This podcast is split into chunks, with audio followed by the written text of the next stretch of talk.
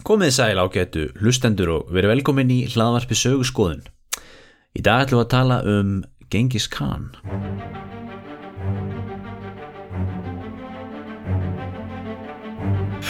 Hvað ertu búin að lesa marga bækur um Genghis Khan núna? Nei, ég er hann að reyndar er ég bara búin að lesa eina bók um hann Hvað, bara búin að lesa eina bók? Veistu Já. að segja þetta? Ha? Já, ég, ég var fyrir svolítið vonbriðum sko. Ég, ég er reyndar búin að lesa sko, held ég ykkur 20 bækur sem töluðum síðast saman En Hvernig getur þú lesið svona mikið maður? það er bara búin að temja mér það einhvern veginn sko. Ég held ég að nálga 60 bækur í ár Ég skal segja mér það.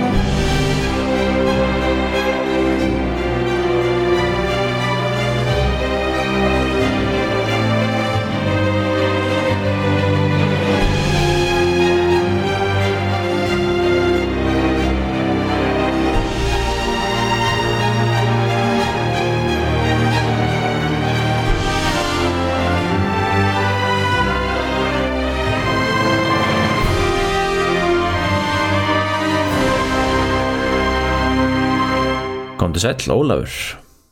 Blessaður.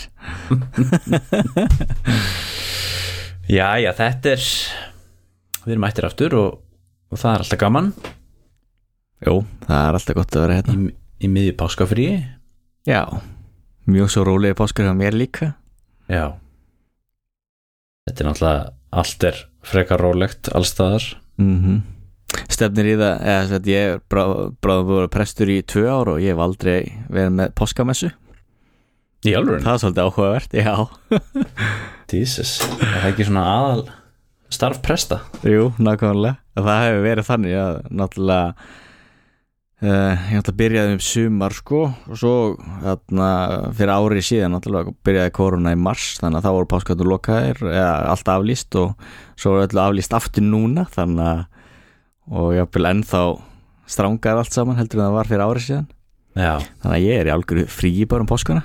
Þannig að ég hef gett að setja hérna og dunda mig við að lesa um Genghis Khan og eitthvað svona spá í sagfræðinni Veistu það, ég er búin að vera með þetta helvítis lag á heilanum bara, sko bara alveg síðan síðast, þetta lag þarna með hljómsveitinni Genghis Khan. Já, eða Genghis Khan. Já, einmitt og hérna, veist, ég bara, maður fer alltaf að hugsa um þetta maður sér alltaf einhvern veginn þessi, þessa búninga fyrir sér. Já, maður gerir það. Er ekki þýsk hljómsveit? Jó, Já, þetta en af hverju er það sko Djengis? Já, það er bara svo áhugavert við þetta þarna það er vist ekkert svo einfalt sko hvernig maður skrifar þessi nöfn. Því það er vist mismunandi koma að kalla lenska í því. Uh, og, ég veit ekki nákvæmlega eftir hverju menn er að fara en þetta er, gildir ekki bara um það hvort maður skrifir þetta með D eða G eða hvað það er því það er líka sko skipta skorum um hvað sem nöfn þýða. Já, En ég held að þetta snúist um það sko að því ég séð það sami í arabískunni að það er Já. mismunandi í arabískunni sko hvernig þú hérna hvað kallar maður í íslensku, er þetta ekki transcribe eða trans uh, jú, ég held þetta transcribe hvernig þú skrifar þessi hljóð að þú erum lært með svo framandi uh, rit, eða svo framandi stafróf. Já, og það hafa verið sko mismunandi þá strategíur og já, mismunandi aðferðafræðin að hvernig þú vilt þá skrifa þetta síðan með latneskum bókstöfum já, já. Einmitt, það er náttúrulega alltaf alltaf þetta sko. Sem svo fyndi með með hérna uh, Æ, svolítið með svo rússnesku alltaf rússnesku nöfnin sko orðin. Já, þau eru alltaf það er svona einhvern veginn hefð fyrir því í íslensku að þau séu skrifuð sko svona t- transliterally eða þannig. Mhm, þú veist, Gorbachev er alltaf að skrifa G-O-R-B-A þú veist, mhm, T-S-J-O-V Gorbachev. Já, þú veist, einhvern veginn. Já, og meðan þú myndir aldrei gera það fyrir ennsk orð, skilur Nei, en það er náttúrulega út af þessu, þessu hérna með, með, með hérna bókstafina, og stafrófið ventanlega sem að, heldur það ekki?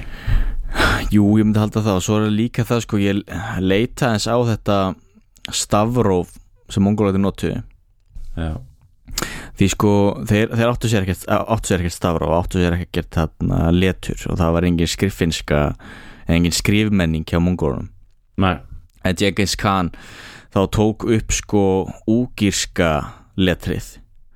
Uh, uh, og það er sko, þetta úgir fólk er sko einhver tyrkneskur þjóðflokkur sem býr, bjóð þarna og ég held að það séu þarna forfiður úgirana sem búa í dag í Xinjiang hér að í vesturluta Kína. Já, eða Turkmenistan held ég að sé líka eða austur Turkmenistan, það er mismunandi nöfni yfir þetta svæði, allt mjög pólitíst en til þetta sko úgirskar letur er hana, mjög framandi og, og, og mjög sérstækt og ég er nú ég er nú litið á töluvert af stafrófum og, og, og mismunandi letrum og ég má nú segja það að það eiginlega að vera rétt að segja að latinska sé nú það allra einfaldasta. Já, Nei, það. Já, því eins og þetta úgirska sko að þú ert með uh, stafirnir eru sko mismunandi eftir hvar þeir standa í orði. Já, til dæmis hvort það sé fyrsti stafur í orði hvort það sé miðju orði eða síðasti stafur í orði já, ok. Þannig að til dæmis ímyndar þá þú ert ekki með kannski hvað 24 te- teikn eða 25 eða 30 hvað þart mörg þá í latneska.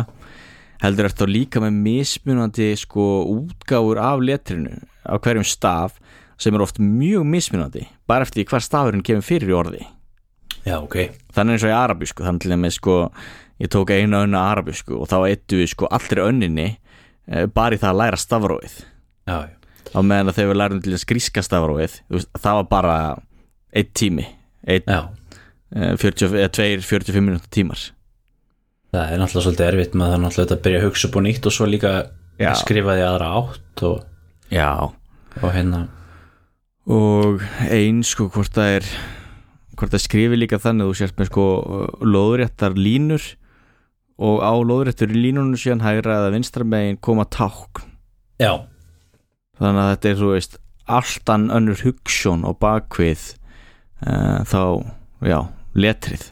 Já, sem, sem mjög áhugavert. Mér finnst svona, mismandi letur ós áhugavert líka fyrir það sakir sko að sumt er svo flóki eins og í arabísku og hebrsku þar sem skrifa ekki einu sinni sko sérhljóðana, skrifa bara samhljóðana.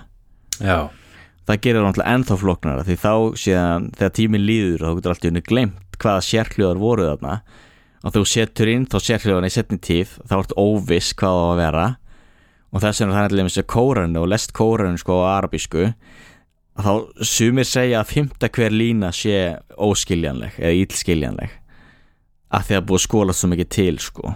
Já, og þetta er einstaklega þannig að tala um þessi tákn í hérna, kynversku og japansku svona, þetta er margfald flóknara heldur en bara þessi þetta latneska letur sem þú ert bara með já því maður putta reglana þú ert með einn einfaldan stað fyrir hvert hljóð og síðan blandar þessu einhvern veginn saman. En er það samt ekki þannig að þú væri með sko myndletur? Þessum skínveska myndletri eða eitthvað svo leiðis já, sko ef við hefðum lært að sko þessum tölustafi mhm, við, við lærum öll sömu tölustafina og getum skilur kommuníserað sko í, í, í stærfræðimáli mhm, þó svo við skiljum ekki hvort annað. Já og þá er ég að spáði sko hvort að að því að þú veist þetta eru bara tákn sem að þú notar sömu táknin. En sko þú veist tveir því bara tveir þó ég segi tveir á íslensku en þú veist mhm, einhver segir eitthvað annað á okkur öðru tungumáli en getur verið að sé þannig með þessi með svona myndletur sko að þú veist þú getur ef við myndum nota myndlet kynversk tákn mhm, hvort að við getum þá sko tala við kynverja eh, skriflega þó svo við tölum sitt hvort tungumáli þegar ég seti tákni sem þýðir tré mhm, þá bara les ég tré en, en, en kynverjinn les bara eitthvað annað orð. Já. Ég áhugaverð bara hugsa sko ég, ég, ég þekki þetta ekki sko, ég bara er að spá. Bara velta Já. þessu fram. Ég held að upp að einhverju marki getur það sko. Mm, en það er samt spurning.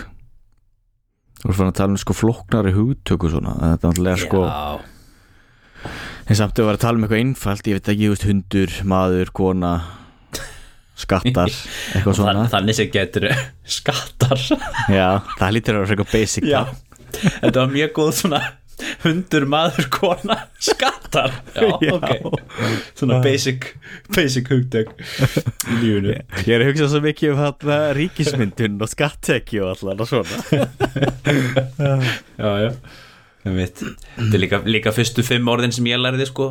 Já, en hérna já, já, ég ætla að segja líka þetta er kannski sem með mynd eða sko svona emojis og svo leiðis mm í rauninni er það í rauninni bara hérna, myndletur, þannig séð þú veist, bara að senda einhverja mynd og að segja eitthvað. Já. Alveg rétt. En síðan er samt En síðan að samt það er svo flókið við það Síðan er alltaf spurning, þú veist, hvaða merkingu leggum bara inn í hverja mynd, sko. Uh, Til dæmis Það er hérna mm, Úr hérna Híroglífonum Þessum egifsku já, Allir með uh, s- er sett eitt híroglífir er þannig að það er sett að kona sem stendur Mm. og hún er með stór brjóst og heldur undir brjóstin á sér og menn skildi, skildi ekki hvað þetta myndi þýða og síðan á spurningu hvernig túlkar þetta? Og þá í okkar menningu, jú, kona með stór brjóst þá tengjum við það við, við hérna, frjósemi eitthvað þannig að menn tólkuðu það sem svo. En síðan var fræði með maður sem heitir Peter Uko held ég að sé borið fram. Já, og hann síndi fram að þetta var ekki vist tákni við sorg. Og hafði ekkert með frjósum að gera og ég hef reyndar, reyndar nálgast bókina en hún gefur nú til því 60 eitthvað mér er ekki tekist það þannig ég, ekki, ég hef ekki hérna, rökin fyrir því öllu en, en það er allavega var það tólkun sem síðan uh, já var samþýtt og, og öðlaðist hinn sess.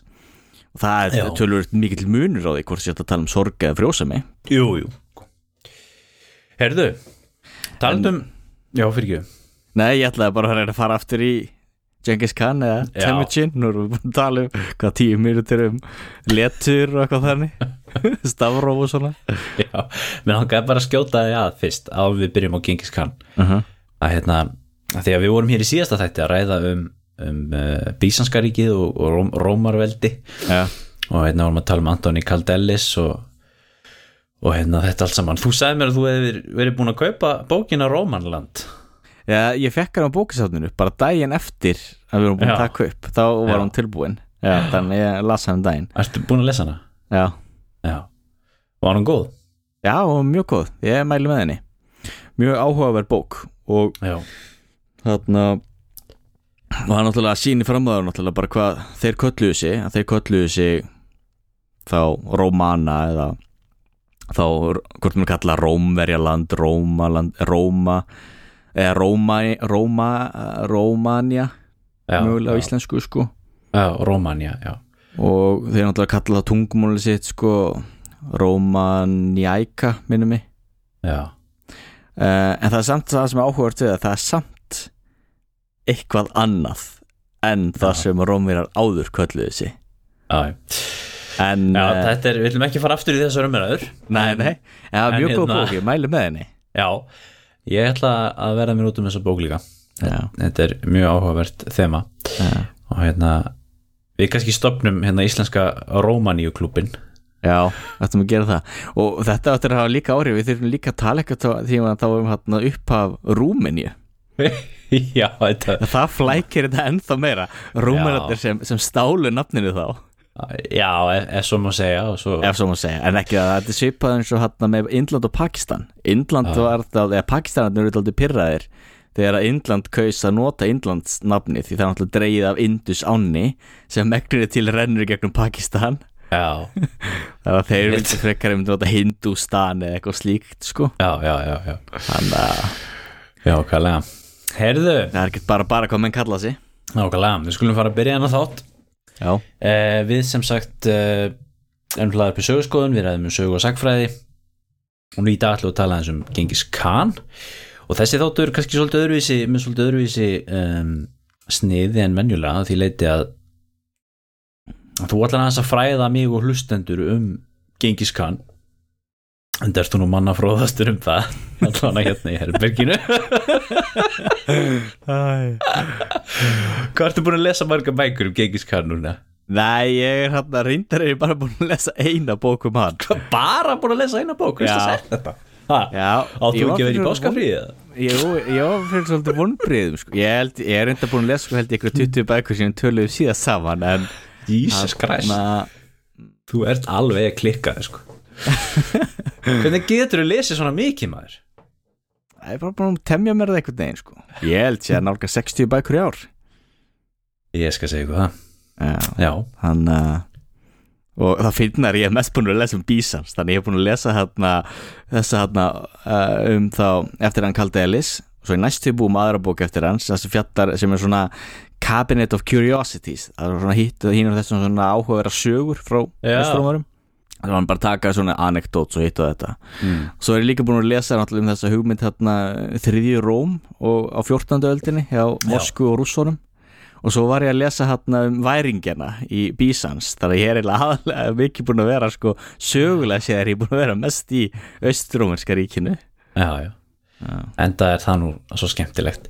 En við gaman. tökum þriðjur og mendilega fyrir einhvern tíman hér í sögurskoðun Já, það er, Það mjög aðteklart konsept En hérna, það komur óvartanlega, ég var á bóksafninu og mér fannst ekki, það var ekkert það mikið að bókum um uh, Genghis Khan. Nei. Og ekki það, þú veist, ég leita ekkert almennilega í katalóginum en ég var, þú veist uh, uh, til dæmis í rekkan sem fjalla það um sögu þessa svæðis og sem var Já. eitthvað að bóka um Genghis Khan. Og þar fann ég sko eina sem er oft uh, uh, mælt með, hún er endur orðið svolítið gömul sko, það er þá Genghis Khan Conqueror of the World eftir Leo de Hartog. Aha, ætla hann sé ekki frá Niðurlöndum. Já. Hún er gefin út 89 áhugaverðið þá bóka. Það er sérst annarkvæmt á Hollandi, Belgíu eða Luxemburg Ok. Já. Og hann það áhugaverð þá bóka hann byrjaði að skrifa hana í fangabúðum í setni heimstyrjöldinni Æj, æj já og var svolítið náttúrulega brast á að fá mm, heimildir og, og svona. Já, ok. Það var náttúrulega Mark Block Ég ætla örugglega alveg að slátra þessari fransku En hann Hann, byrja, hann skrifaði nú Nei, var það, byrju, var það Brádel? já, var það ekki? Jó, jó, jó eða, Nei, var það ekki Mark Block Einn af þessum frönsku annála Köllum, þeir Hann skrifaði doktorsritkjörna sín í, í fangabúðum nasista já. Já. Þeir hafa aðri gett líka Wittgenstein skrifaði hann Sein Traktatus heimsbyggeritt sitt í skotgrufunum í Austuríki Ungarlandi Já, já hann að Þetta er, þetta er leðilegt, en herðu, já, sem sagt, gengiskan, bara svona, bara svona svo ég kom með smá intro fyrir þá sem eru algjörlega að koma á hann á fjöllum hér. Uh, við höfum öll séð kortið af um, mongólska heimsöldinu eins og að leita út heimsöldi Gengis Khan sem, sem hann stopnaði og kom á fót og höfum öll séð þetta, þessa stóru klessu sem uh, næri yfir allt, alla Evrasíu og hefur verið talað um sem stærsta svona, heimsveldi og, og stundum bara stærsta land allra tíma ef svo má orðið komast mm. eh, allan svona stærsta klessan á kortinu reyndar er nú ekki breska heimsveldi samt stærra. Jú. Jú, Þetta er stærst svona samhangandi. Samhangandi land, land, landveldi já, já. Já, Og, náttúrulega alveg gigantíst stórt. Já, og þeir sem hafa farið þarna austur eftir vita það nú að þetta er alveg greiðarlega vegalengd. Ég man eitthvað tíma þegar eitthvað var að segja mig frá því að hann, hún hefði farið í eitthvað svona lestarferðalag sko eftir Sýberju ræðlestinni skilur og, já, og það er bara, þú veist, stoppa svo, svo líða bara sko einhverjir dagar eða veist, margir, margir klukkutímar þangur til að þangur til að kemur í næsta bæ sko já, og já. hérna þannig að þetta er gríðalegt heimsöldi og þetta var á uh, miðöldum, við erum að tala um 13. öld, 14. öld sem að, sem að þetta átt sér stað og, og náttúrulega í sögulegu minni bæði hérna í Európa og alveg örgulega í Kína líka hefur þetta verið þessi hræðilegi þú veist hræðilega uh, hvað maður að segja sko arfleifð og, og, og, og allir eru svo hrættir við mongólana Mm. mongólanir eru svo hæ- hættulegir og hræðilegir eru við ekki svona cirka þar einhvern veginn Jú, við erum þá hann uh, Genghis Khan eða Temujin eins og hann hétt mm. Hann var nefnd, eh, nefndur Temujin þegar hann fættist og hann fættist svona cirka kannski 1150 eitthvað 60 eitthvað. Menninu svo sem ekkert alveg með alveg sammála um hvenar það var. Já, uh, en það til dæmis og, já, er oft miða við 1158 já, og uh, hann var þá nefndur Temujin að því að fadir hans hafði þá nýlega fangað sem að annan uh, uh, leðtóa sem hétt Temujin þannig að þá var hann nefndur eftir honum. Já, ok. Að þeir nefndu oft sko börnin sín eftir einhverjum mikilvæg sem hefði gerst. Er ekki svolítið svona svo hjá sem indjónum í Norður-Ameríku? Þú veist, þú sást einhvern örn fljúa eða einhvern ref eða var einhver orusta eða eitthvað slíkt þá var barnið nefnt eftir því. Já, já, en Temujin þýðir sko járnsmiður. Já, já, já. og Mongóla þá, Mongóli á þessu tímabili er þá náttúrulega þess að miklu steppur hérna norður af Kína og í núverandi þá Rúsland og Mongóliu og þarna bjóð þá fullt var þá náttúrulega mongólski ættbólkurinn og pappans uh, Temujins var uh, mikilvæg leiðtói en síðan var líka rosa mikið af tyrknesku fólki. Þannig til dæmi sko Temujin nafnið kemur úr held ég tyrknesku einhverju tyrknesku máli.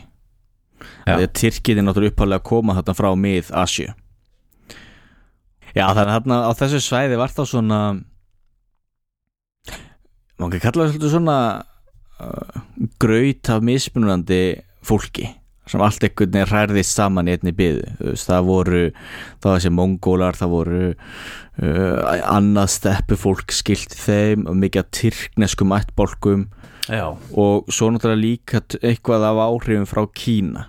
Já, að því Kína þá var þá uh, stóra menningaþjóðin sunnan við þá.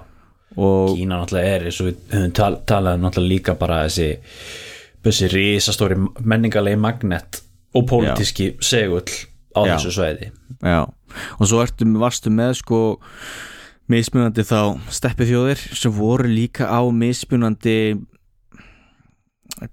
spurning hvað við að kalla hvort við viljum kalla sko uh, menningarstigi eða þróunarstigi eða eitthvað slíkt, það er alltaf hætt á þeim að vera, sé að fara út í mjög svona gildislana umræðum að fara að tala um slíkt.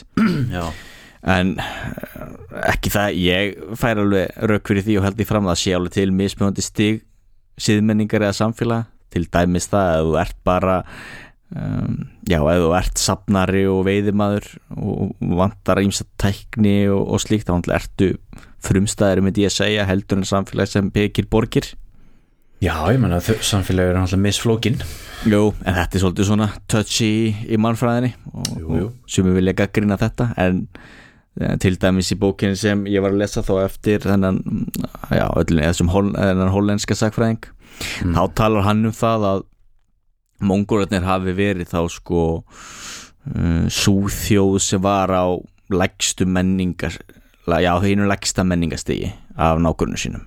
Mm.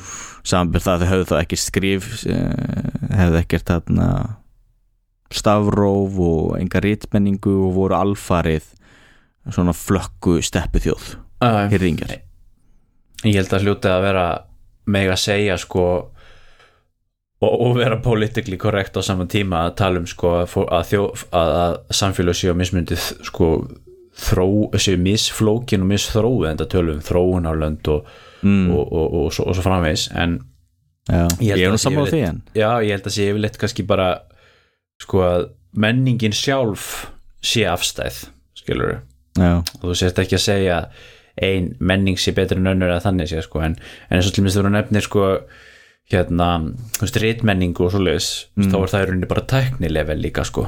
Já, já, algjörlega.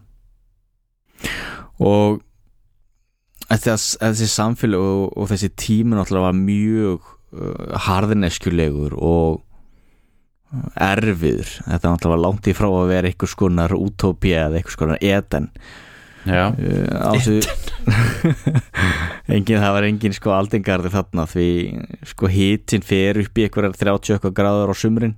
Já, og svo ert að, svo ert að berjast við allt, allt í 40 stiga frost á já. þannig að mikil lífsbárta og ennfremur var þetta rosalega þetta voru samfélag sem voru mjög lítið af ofbeldi. Mikið af hérna, deilum og milli ættbólka. uh, oft hernaður mikið að já, berjast við hvort aðra stela hestum og nautgripum stela konum frá hver öðrum. Þegar að hluti af menningunum var sá að uh, þú máttir ekki giftast konu sem var af þínum eigin ættbólki ef mann rétt. Já, það þýtti þá það að karlmenni þurft alltaf að fara út fyrir ættbólkin til þess að ná sér í konu. Og fjölkvæni var líka uh, samþygt þannig að það var uh, já, bara hluti af uh, mongólskri menningu að, að ræna konum og giftast. Og það er náttúrulega þá jók á úlfúð og, og deilur. Já, og til dæmis þarna fyrsta eiginkona hans uh, Temujins uh, henni var allir þess að rænt frá honum.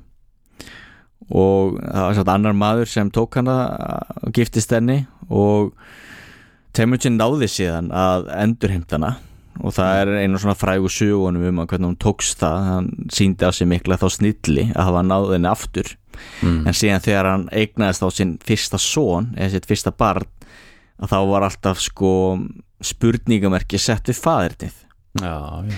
og það var allir hluti af þá mongólskri menningu að það gerðist það ofta að konum var rænt eh, já, hinga og þangað og, og ekkert er víst nákvæmlega hver væri faðirinn en það lítið samt ekki til þess sko að menn væri að hana, drepa börnin eða neitt slíkt heldur samþyktu þeir og gengu um þá í föðustaf mm. til dæmis eh, Genghis Khan uh, eða Temujin uh, kunni alltaf að meta þennan þá fyrsta són sinn og það, það er ekkert í heimildunum sem betur til þess að hann hafi einhvern veginn litið niður á hann eða það hafi verið einhver spenna þar á milli en engu að síður og þá var það samt notað gegn þessum fyrsta sinni hans að faðernið væri ekki alveg ljóst. Þannig að þess að gætt hann og hans uh, niðjar aldrei orðið þarna kann Mm. þannig að það er alveg með svona hluti af menningunni. Og Temujin náttúrulega átti sko mjög erfiða æsku. Hann, hann pappans var jú valda mikill og uh, mikilvægur höfðingi og leiðtögi og þegar Temujin var nýjára gammal var hann uh, giftur. Eða sett á þessum tíma sko þau þurfti að vera 12 ára til þess að giftast. En Þurftir að vera orðin 12 ára. Já, en, en pappan sko fann eiginkonu fyrir hann í öðrum ættbólki. Og hann fór með Temujin þegar hann var nýja ára gammal til þessa nýja ættbólkar. Og Temujin lifði þá þar hjá þá tengdafólundri sínum Já, og svo átti þá bara býð eftir því að hann yrði 12 ára og var þá í þeirra þjónustu og svona. En þegar að hann fadir hans Temujins var á leiðinni sér tilbaka heim til sína þá eh, stoppaði hann hjá okkur um tarturum eða törturum sem voru svona eitthvað sko tyrknest fólk. Og þetta tartar hugtækja mikið notað en, en það virðist að vera eitthvað neginn svona hugtak sem náði yfir marga ættbólka. Já, já, en allavega eitthvað svona tyrknest fólk tyrkneska ættbólka já, og þeir eitruðu fyrir honum. Já, já, þannig að hann náði síðan að komast heim en, en dó síðan þá skömmu setna. Pappans. Uh, já, pappans. Þannig að þá var uh, Temujin nýjóra gamall og búin að missa föðu sinn. Og Temujin átti þá að taka við ættbólknum sem hérna uh, já, leiðtögi vegna þess að hvort það var ekki yngstur. Og þá var vist oft lenskana yngsti maður myndi taka við Ok, já, það er eitthvað, eitthvað sérstök venja. Já, en allavega þannig að en ættbólkur er snýri baki við honum. Vegna þess að hann alltaf var svo ungur nýjára gamall gæti náttúrulega ekkert leitt þá í hernaði og slíkt. Nei. þannig að allt var, það var allt var tekið af þeim. Já, ok. Þannig að Temujin og, og móðir hans og bræður uh, lendu bara á vergangi. Og uh, þurftu það, já að einhvern veginn að lepja döðun úr skél og þetta var mjög erfitt fyrir þau og þeir lifðu á því til dæmis með að veiða múrmeldýr og og e, já það sem gáttu veitt þarna á steppunum og Já. náðu sem sagt að lifa af en uh, síðan sýnir það sko hvað þetta var framandi samfélag ímsu leiti því til dæmis elsti uh, bróður hans Temujins þegar hann var aðeins eldri þá tók hann yfir sko fjölskyldinu og þá til dæmis tók hann uh, móður Temujins sem eiginkonu sína. Þeir sem þetta voru hálfbræður voru þá samfeðra. Já, en það leiti til þess að Temujin var mjög reyður og hann drap hann þá. Já, ok. Okay. hann drap hálfbróður sinn. Og Já, já. Þetta er bara svo biblíusaga. Þetta er svo biblíu saga Svona góð biblíusaga. Nákvæmlega en það er alltaf sýnir sko þetta alltaf hefur alltaf verið já í þessum samfélum deilur um völd um uh, auðæfi deilur um konur. Það hefur verið í öllum samfélögum og er í okkar samfélögum Já. líka. Já, en munurinn er kannski, þú veist hversu hörð baróttan er, kannski maður myndi frekar segja það, segja eitthvað miklu Já, akkur er samt akkur, hvernig getur maður fullist það? Og þú veist, hvað er maður að bera saman þú veist, öll samfélög heims á öllum tímum er þetta Mm. eitthvað sérstaklega hard, harðneskjulegt? Já, þegar þú að tekur sko já, giftast eh, konum fyrir, fyrirvændi konum föðu síns. Ég meina, annað eins hefur nú alveg frest sko úr öðrum heimslutum líka. Já, já, úr öðrum heimslutum ég myndi segja að það væri líka sérstætt með okkar þú veist, og harðari deilur, þú veist, að drepa og það held ég ekki. ofbeldið í þessu og eins og þetta verður alltaf að ræna konum jú, þú veist, við þekkjum það líka úr germurskum samfélum að menn stundu það einhverju liti. Róm á, á góðsaga Rómar er ju byggða einmitt á svona á svona kvennstuldi þannig sem Rómverjarnir tóku sabísku konurnar. Og rómverjar líka eh, sem byggu til dæmis á, á hérna landam, í landamæra héruðum Rómaveldis og Östurónska ríkisins síðar með líka fyrst við vorum nú að tala um það. Mm -hmm. við meina að það var daglegt brauð að, að það kemur uh, stegamenn uh, úr, úr, úr, úr röðum barbara yfir landamærin og, og rændu fólki og mm. ég held að þetta er bara þekst þekkist sko. Að Það- stela resursum annara jú, jú. Það í löndum þar sem að ríkisvald er veikt. En það er þess vegna sem að ríkisvald verður til að því það er þörf fyrir vernd gangvart stegamönnum Jú, það endi það hluta því af hverju hann síðan fekk mikinn stuðning setna meir á meðal, meðal til dæmis uh, íslamskra kaupmanna sem stuttu mjög Genghis Khan. Já, já, já. Það var einmitt vegna þess að hann kom þá á lögum og reglum en þú sérð samt sko að mongólarnir voru sérstaklega grimmir þegar að uh, setna líður á og þegar byrja að leggja undir sig löndin í kringum sig. Og Mm. ég, myndi halda og, og þú sérða líka sko að þessar steppu þjóður hafa oft verið sérstaklega grimmar og gengið sérstaklega hart fram. Sko það er náttúrulega örgulega ímiðslegt til í því að það hefur verið mikil grimd og svona en svo náttúrulega það er kannski líka aðtöða sko hvaða heimildir eru þetta sem við erum með. Já, já, og, algjörlega. og þú veist og þetta var þetta sko ef þú ert kannski með sko evrópskar heimildir eða kínverskar heimildir eða þú veist heimild, íslamskar heimildir eða frá sko Ar arabum eða Mhm. tyrkjum eða indverjum eða whatever sko þá getur maður ímyndað sér að, að mongólarnir hafi verið þeir voru rosalega svona hræðilegir mm og þeir voru örgulega málaður upp eins og skrattin Já, já, algjörlega. Ég get að efast um það að þeir hafi verið eitthvað hræðilegir sko, ég meina fólk fannst þeir hræðilegir örgulega fyrir eitthvað ástæði en fólki fannst náttúrulega vikingar líka hræðilegir Já, já, og, og, og þú veist vikingar stundu líka mannrán og, og pyntingar og dráp.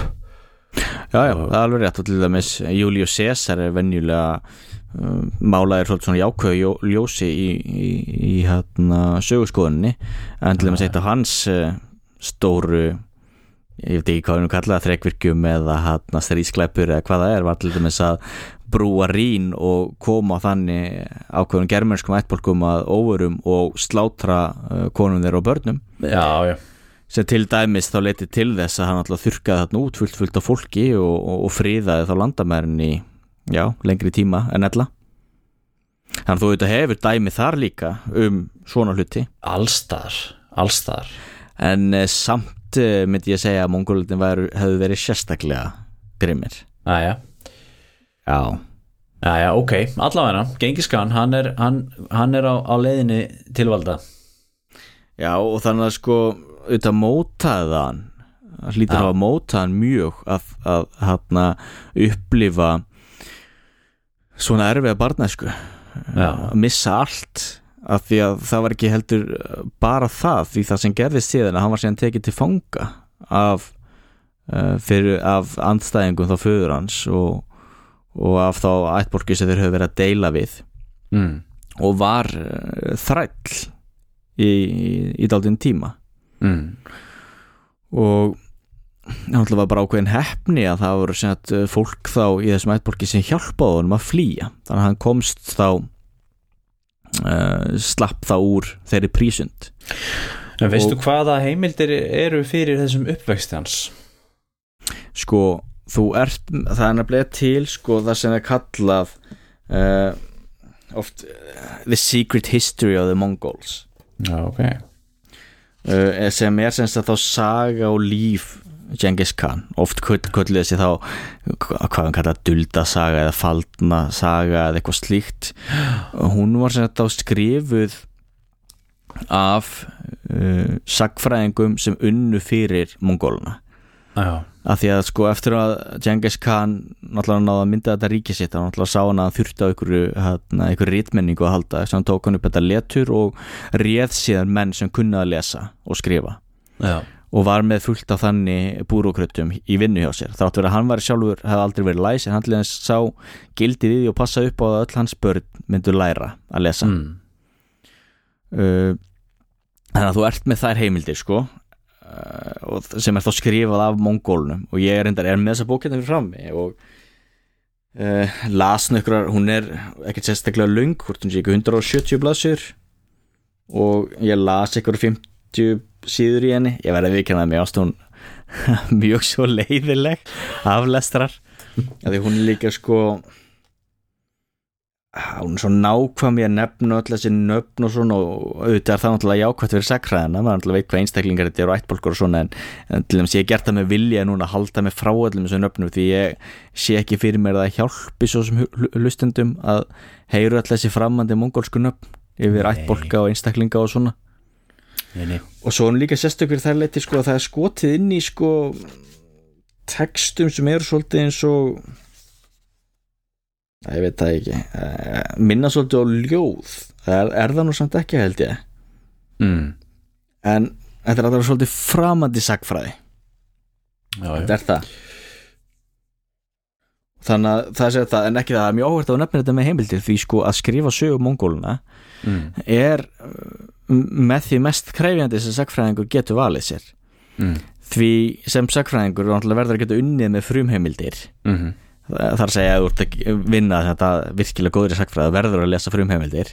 Og þá er vandamáli á hvaða tungumálum eru frumheimildinar Já, jú, þú ert þá með þetta uh, með mongólskuna þá sem er skrifið á þessu úgíska uh, rítmáli, já, þú ert með kynverskar heimildir þú ert með persneskar heimildir þú ert með arabískar heimildir já, já, svo ert líka með grískar heimildir já, já. og uh, latneskar heimildir. Vatnaskreimildir allavega og hvort það sé ekki líka hvort það sé til eitthvað á hvað við að segja, arameísku eða síraísku eða hvort það sé eitthvað til á einhverjum uh, tungumólum í Indlandi eh, og hvað það er. Þannig að þetta er fullt, fullt af tungumólum sem þú þarfst að kunna.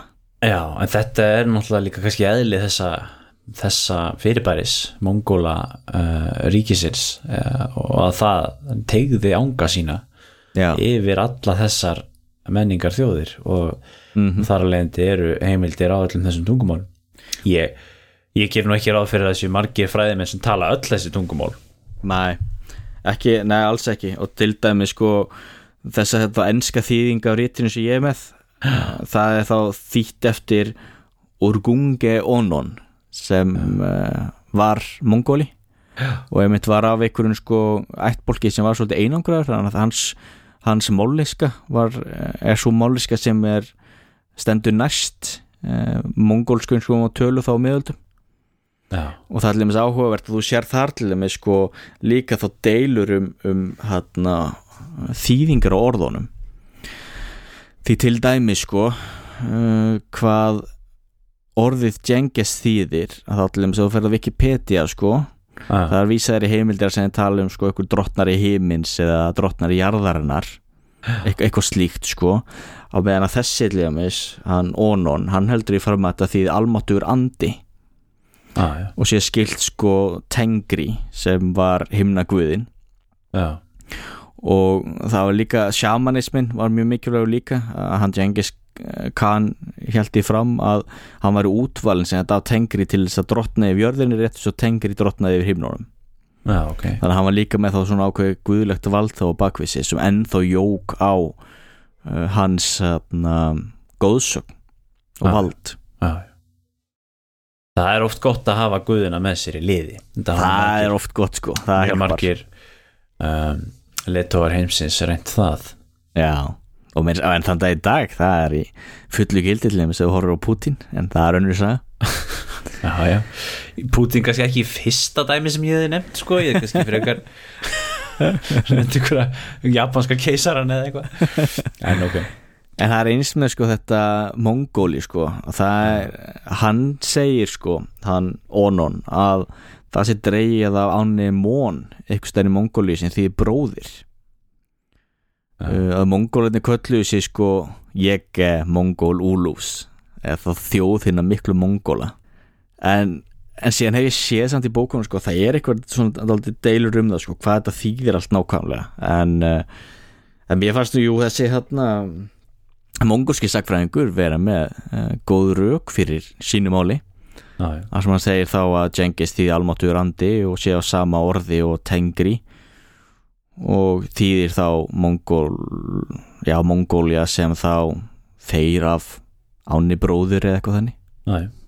En ef að halda hans áfram með narratífið?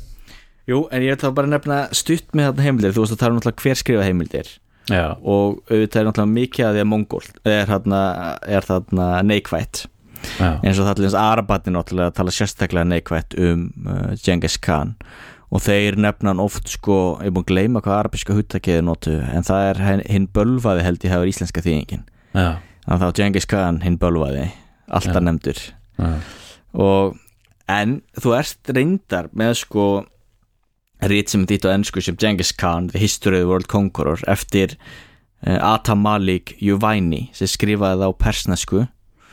Og hann var í þjónustu Genghis Khan og mongóluna þar að hann skrifaði eins jákvæða sögu og hann gat um mongóluna þannig að til dæmi sko að hann endar sína sögu ekki á því þegar að mongólarnir lögðu undir sér Bagdad og drápu Kalifan já, eh, sem var þá æðsti leiðtögi Íslams. Hann endar sögun ekki þar heldur endar hann alltaf áður þar sem mongólarnir eru þá að leggja undir sig hluta af núvanandi Írak og svona. Já, já, þannig að þú sér það er náttúrulega bæja sinn sko.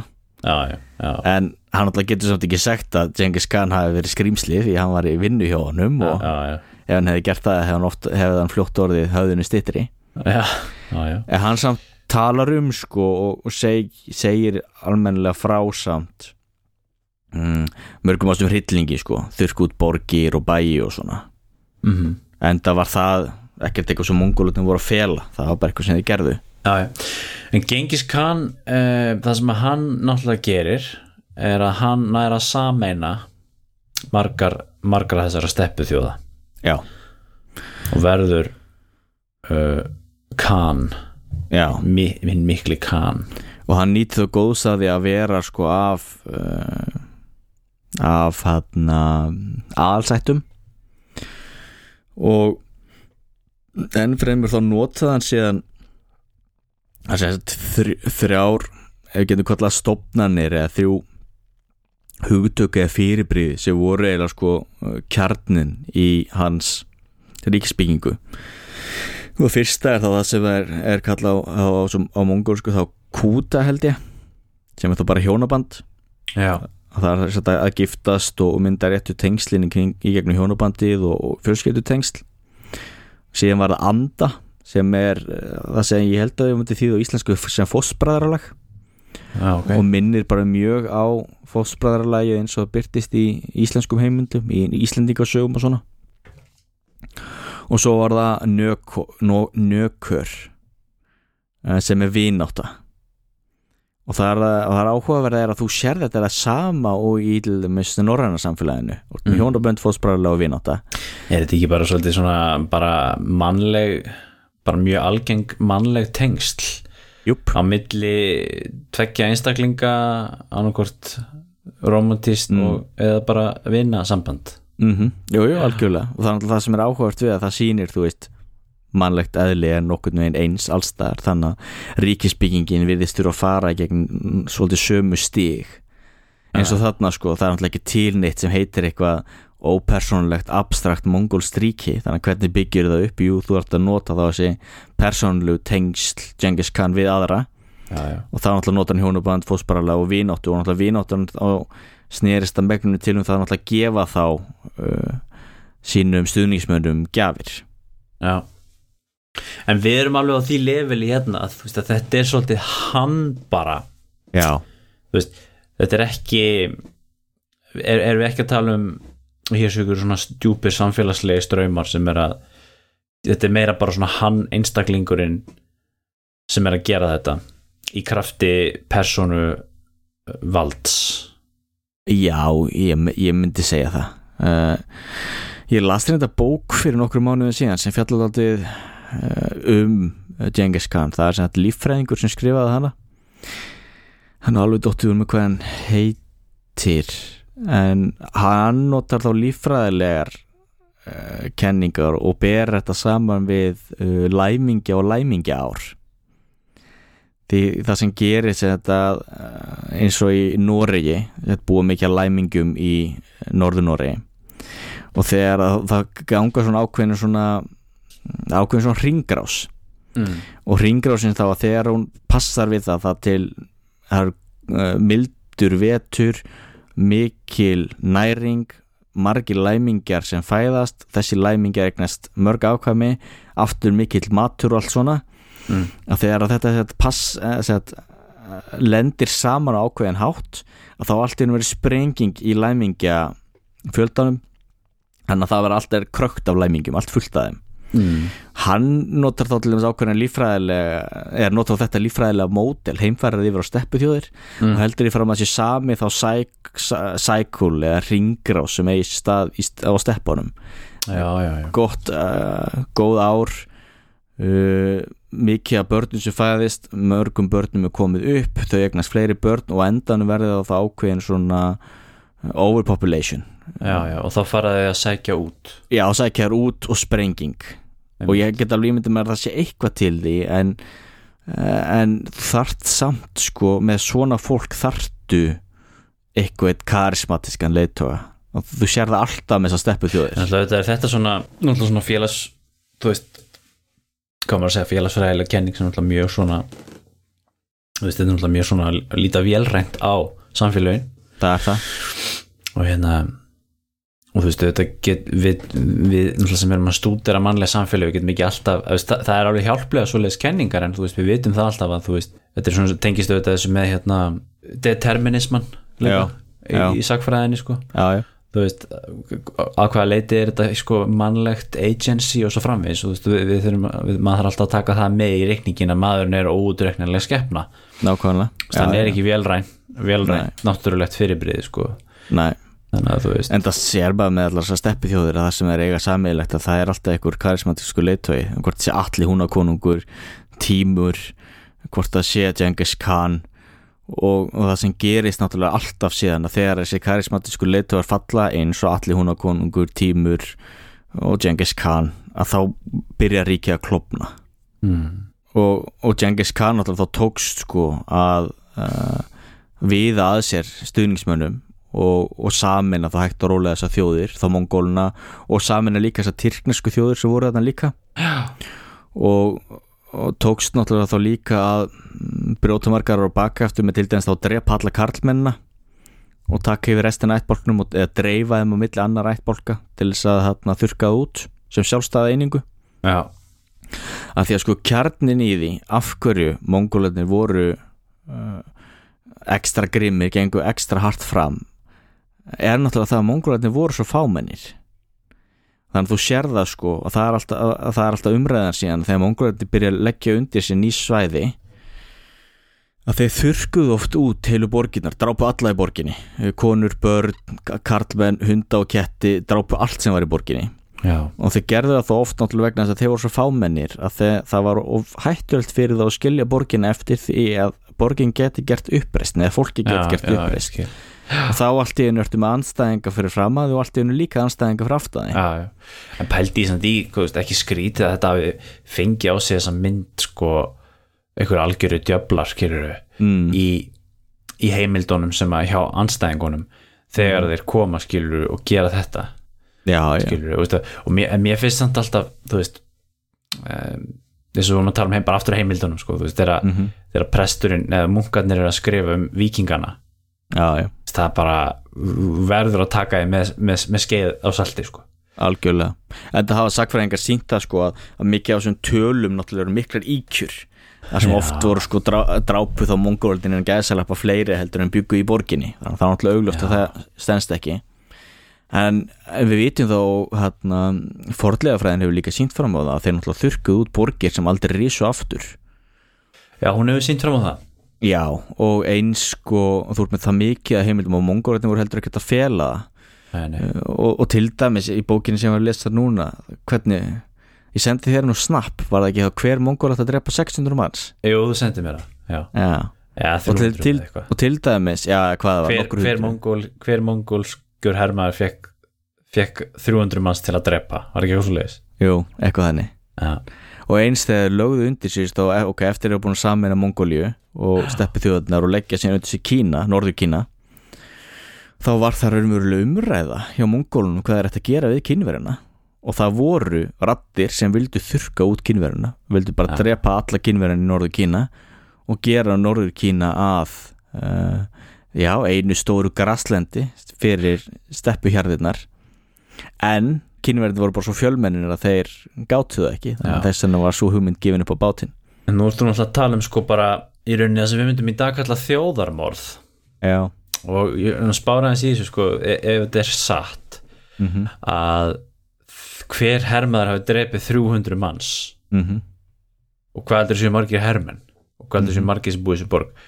Og ef maður ímynda sér svona blóðbað að það sem skala og þá er þetta bara rauninni bara eins og ásveit sko. Mm, Veist, þetta er, já. en það er náttúrulega ekki tala um það þannig. Nei, það er ekki talið um þannig. En það er, en í raun og veru getur líktið þannig getur líktið við það því meira segja sko borgir sem gáist upp á óttafi mongóluna uh, voru samt sviknar síðan af mongólunum og þurrkaðar út. Og við erum að tala um að mongólætin heldur ekki einu sinni sko bara rænd og rupluð og brendu eitthvað heldur uh, var borgin gjörsanlega jöfnuð við jörðu. Stundum. Já, og já. þú ert með fullt fullt af heimildum frá hvað maður segja frá öllum þjóðunum sem lent á móti þeim. Allt frá sko Rúslandi, Pólandi, Ungverlandi vestri síðan hérna austur frá um, Tyrki, Tyrklandi Persa, Araba uh, Afganir allt austur til kynverja já, og það er alltaf sama sagan. Já. það er þessi rosalega já, grimm en svo auðvitað aftur, aftur á þessu þú, veist, að þú, þú, þú sér þetta eins og við vorum dæmis bara að tala um Japani hérna, mástu mm þú veist eh. Japani voru grimmir í stríði sko, þú veist, og, og hérna, og svo hefur við náttúrulega þú veist, alla þessar stríðskrepp í Evrópu sem að eru nú bara einu okkar líftíma sko, já, já, eh, og svo hefur við hérna, náttúrulega hann Vlad þarna í Rúmeníu sem að stjaksetti 300 manns eða eitthvað, veist, og, og 30 ára stríði í Evrópu var algjör horror hryllingur. Um, og náttúrulega bara allstaðar allstaðar þar sem að menn koma saman þar bara verður horror. Algjörlega að verður það. Og samanbyrð það, þú veist, því ég líst það allir þegar fyrstu korsfarðin tóku Jérúsalem að þá er að drepið heil alla borgarna og drepið það marga blóði að flætti upp í ökla já, já, sem auðvitað er íkjur en þeir uh, myndlíking drápu marga. Já, en síðan er þannig sko, jú, þú ert búin að nefna þetta með heimildinum að getur svona auðvitað þarf að vera gaggrinn út í þær. En sko menn er að áætla að mongólarnir hafi á sínum tíma uh, drepið kannski alltaf 10% af jarðarbúum. 10% af jarðarbúum? Já, kannski að 10-11% og þá eru kannski að tala um 30-70-60 miljónir manns sem var þurkað út. What? því, og til dæmi sko Persja, það tala um það að íbúföldi Persju hafi fallið frá kannski 2,5 miljónir í 250.000 þetta er náttúrulega bilaðar tölur sko. í Rússlandi þetta drápu er um helmingin í íbúðunum Ungverland misti helmingin í íbúðunum já, og þú sérð sko þarna munurinn þarna, þarna er skipulagt verið að þurka út fólk. Og önnur einn skrimt hlýtur að spretta upp úr rosalega harneskjölu og erfiðu og grimmu samfélagi jú, jú. Sem er alltaf ástæðan fyrir því ákveð þess að steppu þjóður hafa alltaf haft þetta orðspor á sér að vera svona grimmar því lífsbáratan var svo erfið.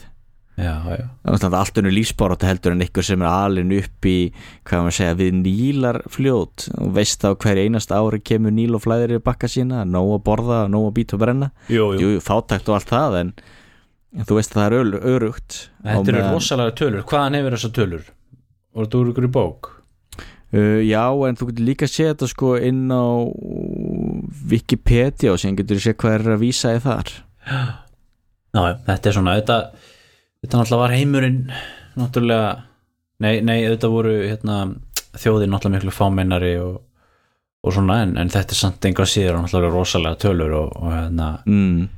og alltaf verið að bera saman við þessar þessar einræðisar á 20 stöld sko, alltaf verið að tala um þessi svo slæmir og Mm En að því að sko ef maður er ef maður fer virkilega inn í sko realpolitík og uh, kastar allir sið, siðfræði og allt slíkt til hliðar Já, ok, þegar þú ert fámennur og lítill hópur eins og mongumverðum voru og þú ert alltaf að bærast við þjóðir sem er margvært fjölmennar en þú já, og með margvært, voru með margvært stærri heri líka, við erum líka að hugsa um það að herir því sem voru að berjast við sko voru eiginlega alltaf fjölmennar þeim og mongolitin voru eiginlega alltaf að berjast við sko hálgert ofurefli já, þá náttúrulega verður það er verið skinsamlegasta leiðin til þess að berja niður á mótstöðu já. og komið vekk fyrir uppreisnir að þú bara þurkar út alla já, já, en þá getur maður spurt sér líka af hverju þurftu þeir að vera að gera þetta Já, það er náttúrulega sem er svo áhvert við þetta líka sko, að einmitt þetta sem hérna með vináttuna mm. og þegar að Djengis var búin að samina þjóðurnar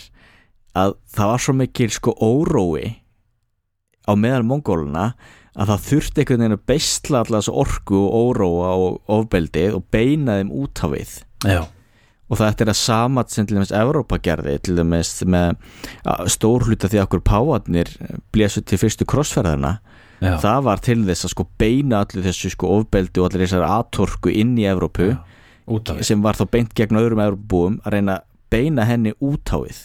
Þetta er mjög góða punktur og kannski getur við séð ákveðið svona kannski líka til dæmis í löngu 19. öldinni mm. þegar að hérna, Europa upplýði sitt lengsta friðartímabil eh, konsertin í Európu mm þar sem allir voru svo prúðbúnir og fínir á meðan þeir voru náttúrulega bara úti í heimi að, að, murka niður þjóðir sko. Til dæmis bara að saga Bretlands og, og Breska nýlundumveldsins það er mjög áhugavert að skotar voru oft þar mjög framalega Já, og þú sér það í sögu Evrópa skotar voru oft uh, já, í öllum styrjöldum það var alltaf einhver einn og einn skoti að, að brasa. Já, meðal annars sko við hann þegar Konstantinopel umstáttur við hana ní- eh, 1453 það var allir skoskur verkfræðingur í þjónustu keisarans. Já, já, já. og það er náttúrulega vegna þess að sko, skosku hálundin er þá svæði sem var sko minnst stjórn á í Breitlandi mest um deilur uh, það er náttúrulega erfitt að segja hvort maður getur fara að tala um það sé eitthvað sko, eitthvað gen eða eitthvað líffræðilegt á bakviða hvort það sé bara menning skotana sem gerði þá svona ofbeldisfulla. En þá náttúrulega þú ert losna við þetta ofbeldi úr Breitlandi og í staðin fyrir að skotarnir sé að ráðast á englending og, og, og brasa eitthvað eðilega heima fyrir þá er náttúrulega best fyrir Breskaríkið að senda skotana út og láta þá frekar berja á indverjum eða hvað það er. Já náttúrulega kannski rasistar myndu segja að þetta væri eitthvað í genunum sko mm, þjóðirni sinnar myndum endalega að segja að þetta væri eitthvað í menningunni. Um, marxistar myndu líklega að segja að þetta væri undir okkur stjett sko.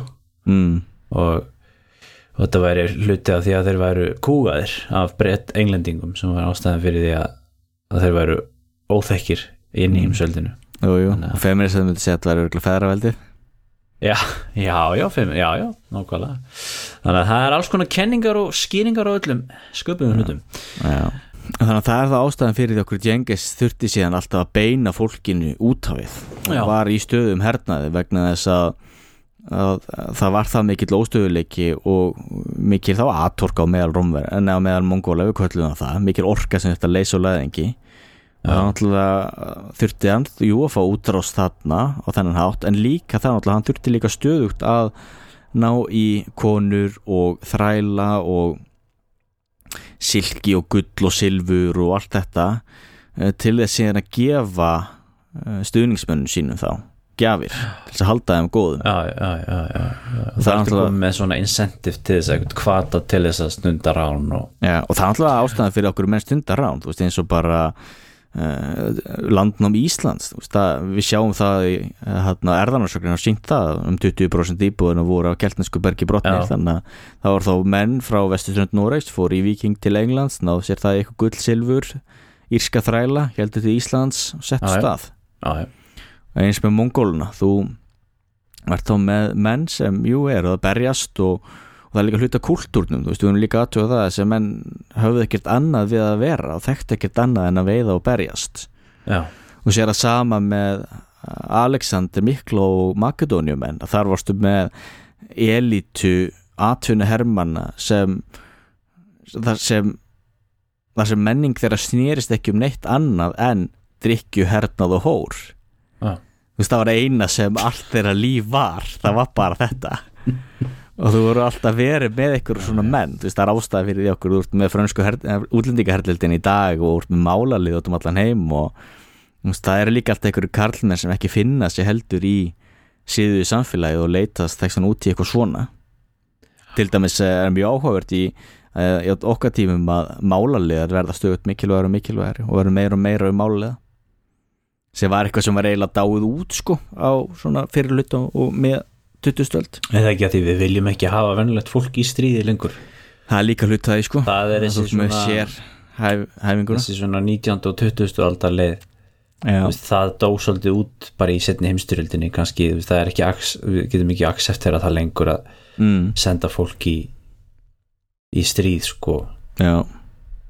en síðan en síðan samt áhugast með Genghis Khan sem við nú erum búin að tala mikið um grimdina og svona. Já, já, að mongólinni samt lístu alltaf yfir stríði? Og það verðist að vera ákveðin svona sæmd í því. Já. og einst Genghis Khan hafði sko mm, alltaf ákveðin réttlætingu fyrir hernaði sínum.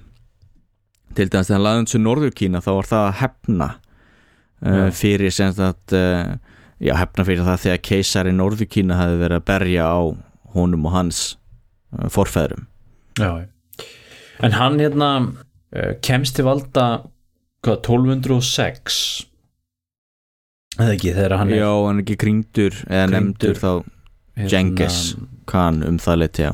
Já, hinn mikli kann eða eitthvað svo leiðis já, og hérna og þegar komið fram á hvað að segja 1260 70 þá er hann búin að leggja undir sig sagt allt þetta landsvæði. Eða sko hann deyr 1227 já, já, já. Þannig að e, þegar hann fekk titilin sem 1206 lagði undir sér Norður Kína uh, það tók daldinn daldin tíma og var mjög blóðugt fekk stuðning frá Suður Kína sem síndi sér síðan að voru mikil mistök á hendi Suður Kína en það er svona setni, setni saga. Hann byrjar að ráðast inn í Norður Kína Já. Já, og þegar maður búin að ná því að þá er síðan þetta stóra uppgjör við sko Koresm ríkið Koresm ríkið réði yfir sko núverandi Kazakstan, Tajikistan, öllum þessu stanlöndum uh, suðu til Persju Azerbaijan og Afganistan og hluta af uh, Pakistan. Já, Málið var sko Koresm ríkið soldátnin þar sem var muslimi hann uh, braut á sendimunum Genghis Khan drap þá og uh, þeir voru líka voru líka verslunumenn svona merchants og rændi sem sagt þarna öllum varningnum og seldi. Og þannig að það var það ástæðan fyrir því okkur Genghis Khan tók sér hefndi sín síðan þeim, því hann hafði þarna gróflega brotið náttúrulega á öllum svona áskrifiðum reglum í uh, samskiptum ríkja já, já.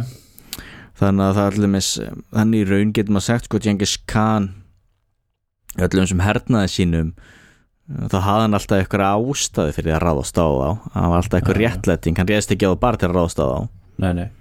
Samanber það allir með þess að því að hann var búin að sigra uh, Koresm ríkið sem var mikil náttúrulega myrti fullt fullt af fólki og, og mjög blóðugt og hryllilegt og allt það þá allir með að reyðast hann ekki er í Indland. Og menn hafa líka velti fyrir sér af hverju það hafi verið kannski hafði hann ekki ástæði til.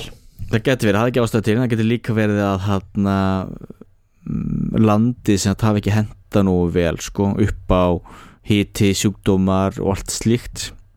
Já, en síðan líka stór hluti af þessu sko að, að Genghis Khan var rosalega hæfileikaríkur og flinkur að uh, sjá hæfileikana í öðrum átt að sjá því hvað hann geti notað menn í rosalega naskur sko á uh, já, mannlegt eðli og, og spotta talent og svo var hann mjög upptekinn af því sko að mm, hæfileikar hvers og eins myndi ráða í hvar þú endaðir í lífinu. Þannig að hann var algjört svona meritocracy. Já, já, já. þú veist, þú komst áfram á eigin verðleikum. verðleikum.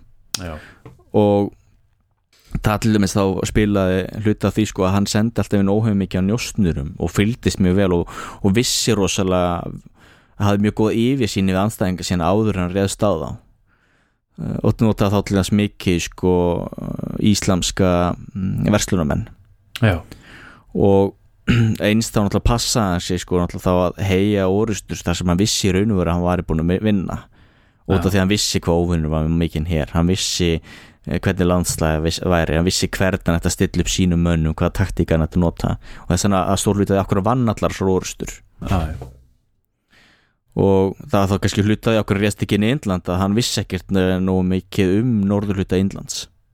En síðan er þetta er líka áhvert að því síðan er náttúrulega þetta sko að eins mann stöðið er annars mann sprauð og náttúrulega eins og við erum búin að tala um það ok 10% kannski sem voru, á jarðabúum voru drefnir á þessum tíma að til dæmis eh, margir af þessum eh, mönnum sem voru þá að versla við Kína og voru þá flytja varting frá Kína til miðausturlanda þeir stuttu Genghis Khan og það var náttúrulega vegna þess að hann til að koma á stöðuleika í mið-Asju og passaði sér þá líka upp á það að, að vernda þessa menn og, og taka þá í sína þjónustu. Að því síðan er það sem er svo áhugavert við mongólin, þetta er svo tvískipt, ert með svo rosalega grimd en sama tíma ertu með rosalega mikið umburðalindi þannig að það var algjör trúfrelsi með mongólunum og þeir síndu sko fólki eftir að það var búið að sigra eftir að búið að berja á, öllum og eftir að það var búið að ganga á allir bóls og höfus af fólki þá síndu þeir af sér sko ákveði göfulindi í síðan umburlindi þegar koma allan á þessu og eins sko að til dæmis kom á rosalega hörðum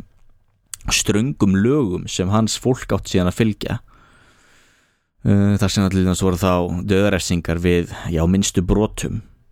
Þannig að sko það er heimildir tala um það að mongolska ríkið var rosalega örugt að ferðast um og þú hefði þess að geta bara gengið um allt eitt gull utan á þér og það var eiginlega engin hægt að vera rændur já, já. já, þannig að það, er mjög áhvert að sjá þess að sko rosalega kontrasta já. þessar öfgar já, þetta er mjög aðdegluvert og síðan náttúrulega hafði þetta brjálaslega áhrif náttúrulega á allan heiminn og líka sko já, uh, bara eins og við talum um eins og í síðasta þetta við talum um austrúmarska veldið uh, þeir lengdu líf austrúmarska ríkisins Já. kannski um einhver 200 ár já, með því að stopp með því að grípa inn í Araba Já. með því til þess að berja á ungurum, berja á búlgurum berja á tyrkjum persum en svo náttúrulega, þú veist, þessar eða steppu þjóðir sko hafa alltaf áhrif á það sem er að gerist eins og þú nefndir alla húnakonunga á þann og, og, veist, og hann eh, eins og, og, og, og, og kemur fram í, í söguna að falli Rómaveldis þegar að veist, allir húnakonungur rekur þjóðunar í, eða barbara þjóðunar inn í Rómaveldi.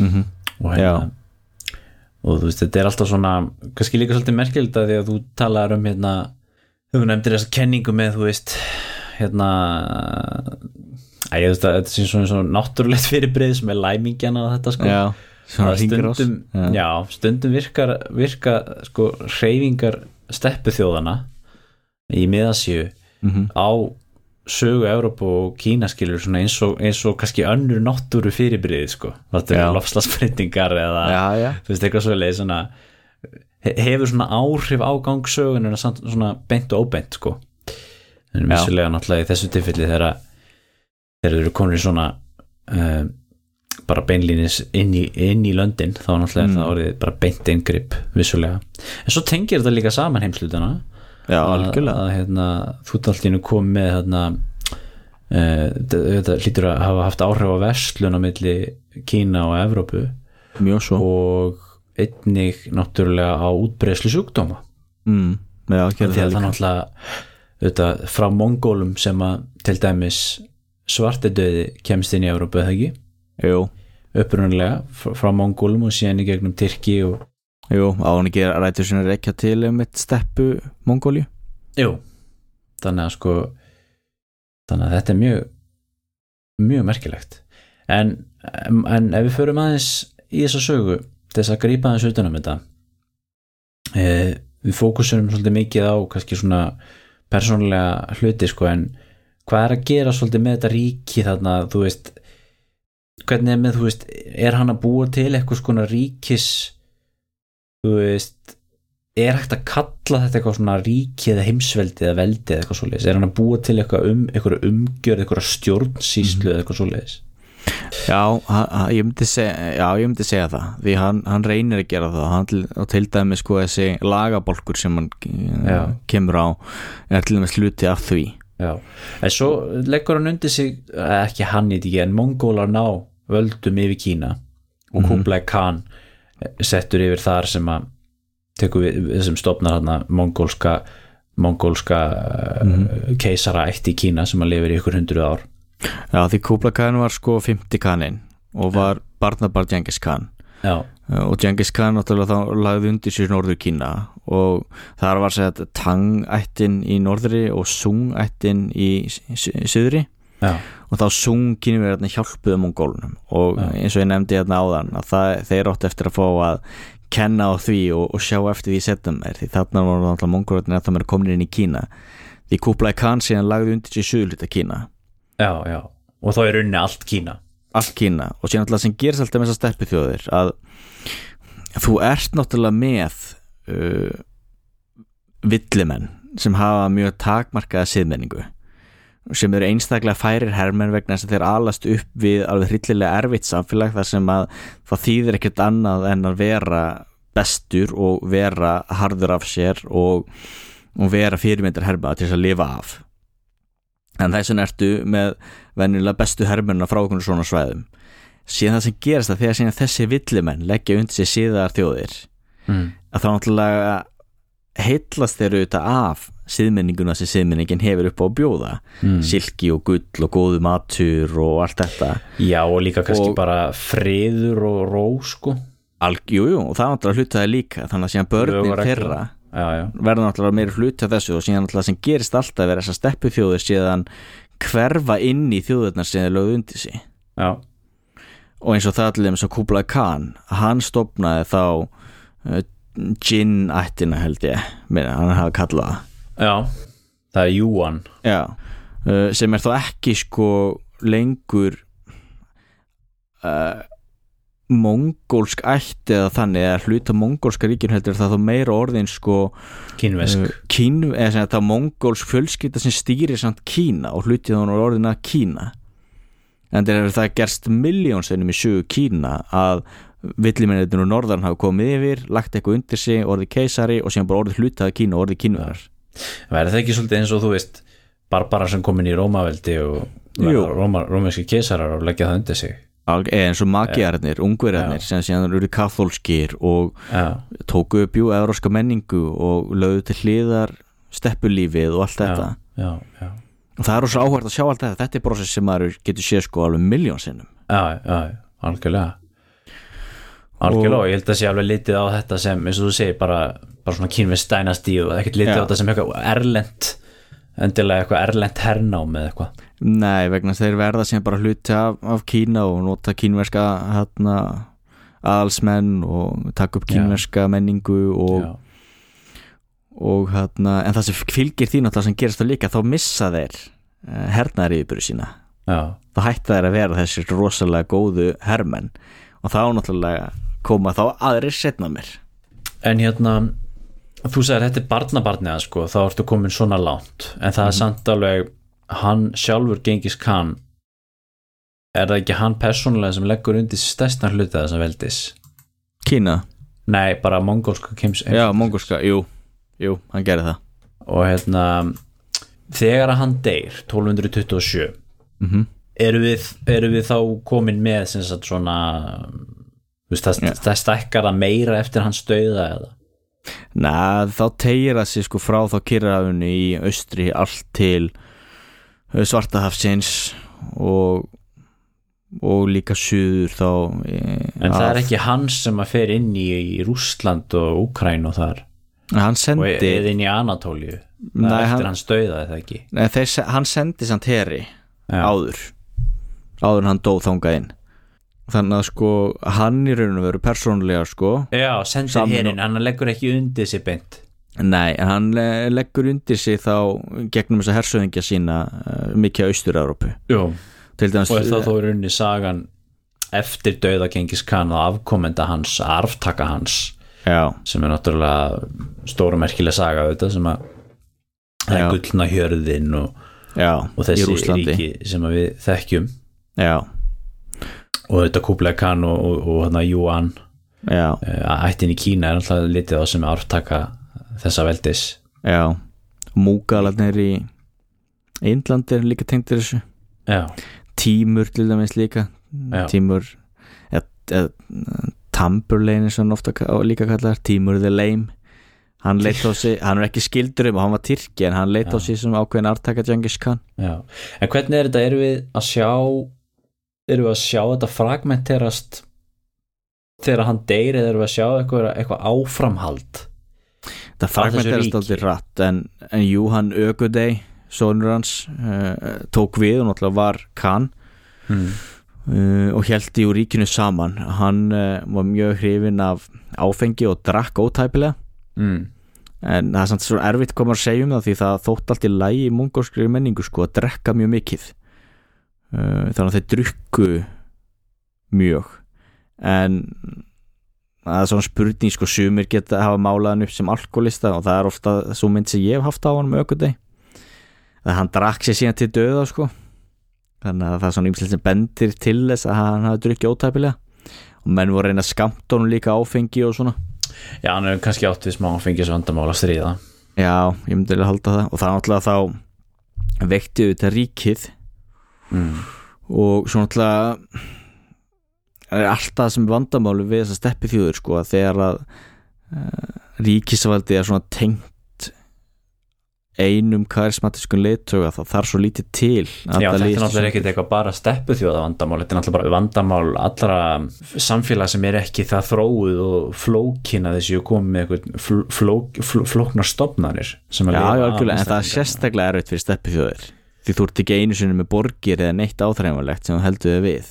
Já, já, og persónuvaldið er ennþá sterkara en þetta lítur að hafa verið eins bara á Norðurlöndum skilur Já, já, þetta vandamál allstaðar, það er það þess að menn voru að reyna að láta síni sína taka við sem konungi eða keisar áður en þeir sjálfur létust og eitthvað slíkt. Já, en það sem, mitt eftir ekki í hug neitt vestrænt ríki sem hefur liðast jafn agalega í sundur já, pratt og steppi þjóðunar eins og bara með alla húnakonung. Eftir að hann dó þá bara hvarf hans ríki á Mm. einum degi á meðan að þú veist var það Jú. ríkið þá, skilur Já, þegar hann samina, jú, það var ekki það hann stýrði náttúrulega miklum her og var búin að berjund sér fyllt af þjóðum. En síðan náttúrulega þegar hann dreira þá bara hverfur það allt í hennu En svo ef við berjum þetta saman við Alexander. Mm.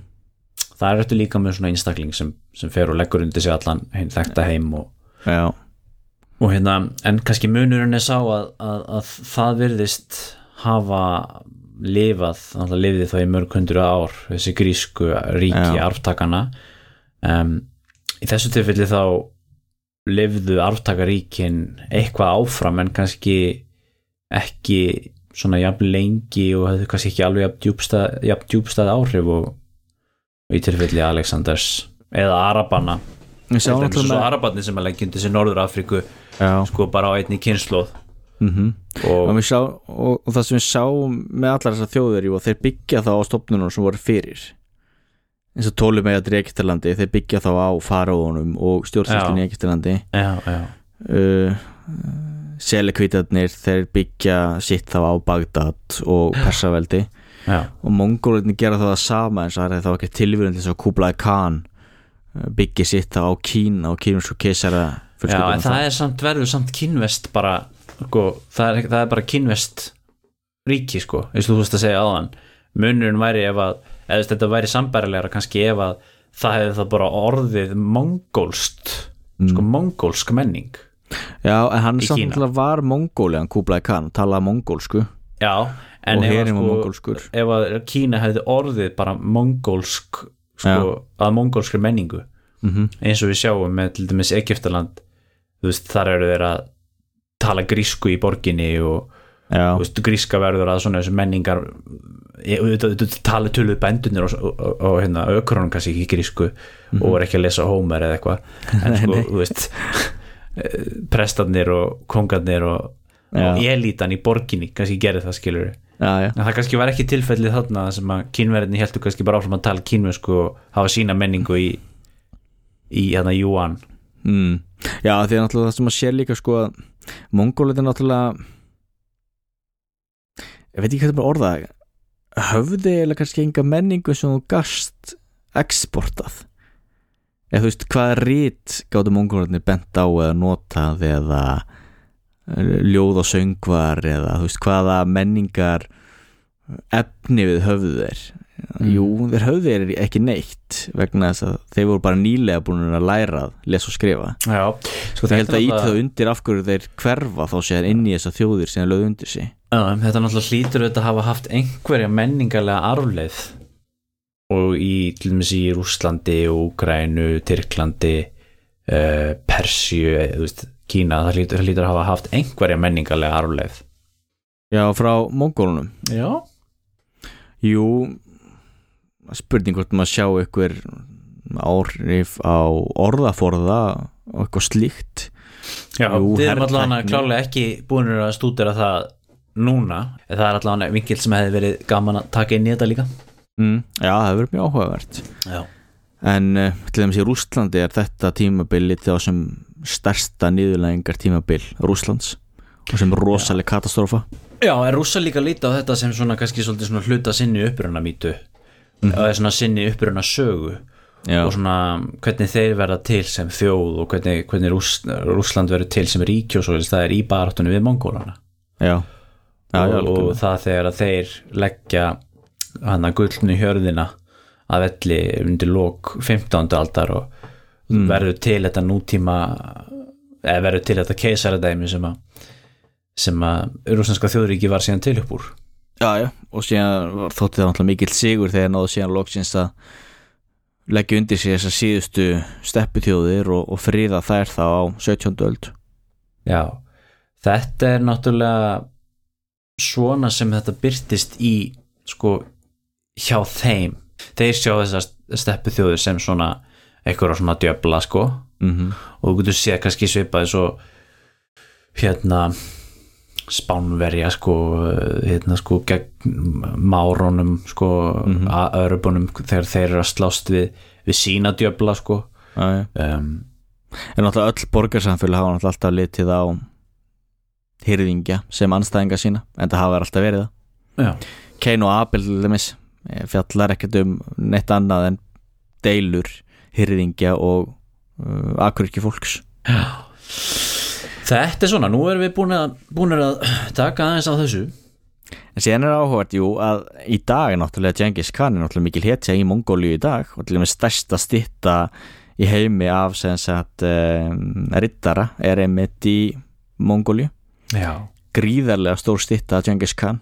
Já, Já. og síðan líka svona kaldarinslegt þegar maður hugsa um það sko hvað þetta fólk uh, þurrkaði útmarka í Kína og barði mikið á, á kínverunum að nú náttúrulega eru kínverjarnir að vinna að því að, að þurrka út Mongóluna í innri Mongóli og úgir fólki líka. Já, Já.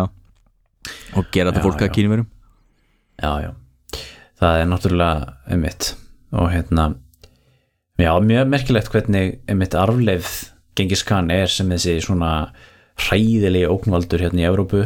Mm -hmm. og þú veist, en svo er hann náttúrulega já, hetja í, í, í, í Mongóli og sýnir þetta bara það hvernig þú veist, alla þjóðir, allir hópar þurfa að búa sér til einhverja einhverja sögu til þess, að, til þess að móta sína sjálfsmynd. Mm. og pælti hvað, þú veist, þetta hefur líka móta rosalega mikið sjálfsmynd eins og við tölum um rússa en ekki bara rússa líka bara í Evrópu og, og Tyrkja og Araba og, per, og Íra, Írana. Þú veist, þetta lítur að móta þeirra sjálfsmynd rosalega mikið.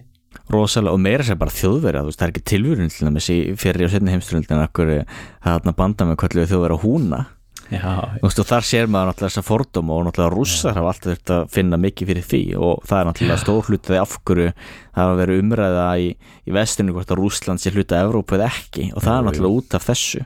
Já, já. Þessu tí, eh, tímabili. Nákvæmlega sko, ég man að, hérna, bara svona eins og, eins og í- þegar ég hef verið að stúdira orraðuna í, í setni heimstyrjöldinni til dæmis gagvart Já. rússum.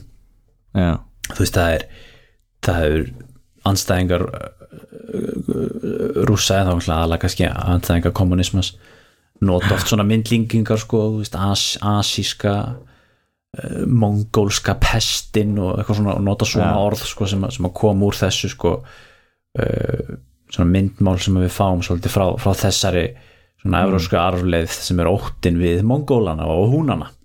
Já, já. Nákvæmlega Og, með, og til dæmis náttúrulega áhugavert að uh, mongólsku heritin náttúrulega voru komnir allar leið að uh, hvað þeir til þess brendu Kraká á sínum tíma. Og það var bara út af döða Genghis Khan að þeir heldur tilbaka en annars var Þískaland og Evrópa var náttúrulega bara opinn fyrir þeim. Nákvæmlega, herðu hefur að fara að segja þetta gott í bili?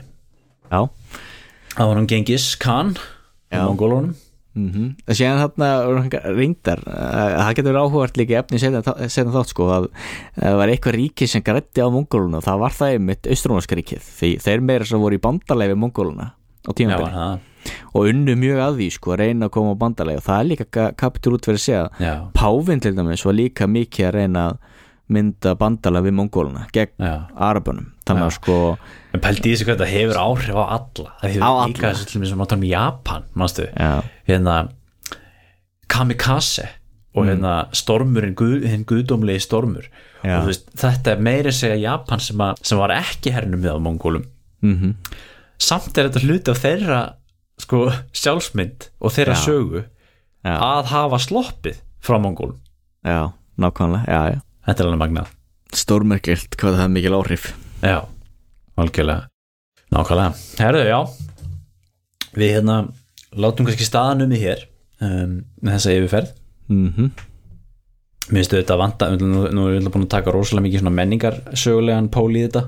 Já, og hérna það eru örgulega til uh, alls konar kenningar um, um þetta ríki til dæmis út frá sko efnaðslögum uh, hag, hag, hagsögulegum og félagslegum félagssögulegum sjónarhóli sko. Mhm.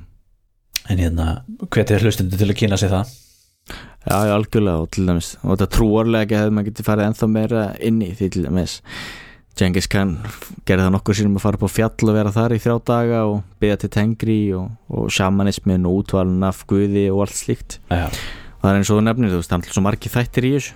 Já, nákvæmlega. Herðu, þá segjum við þetta gott í bili. Við hérna eins og uh, áður þá bara minnum við hlustendur á Facebook síðu þáttanins uh, sögurskoðan.gmail.com er, er, um, ne, er netfang þáttanins og uh, þá segjum við þetta gott í bili við snúum hér aftur í næsta þetta sögurskoðun með eitthvað skemmtilegt málefni um sögu og sagnfræði. Þá við fyrir okkur í dag og verið sæl. Verið sæl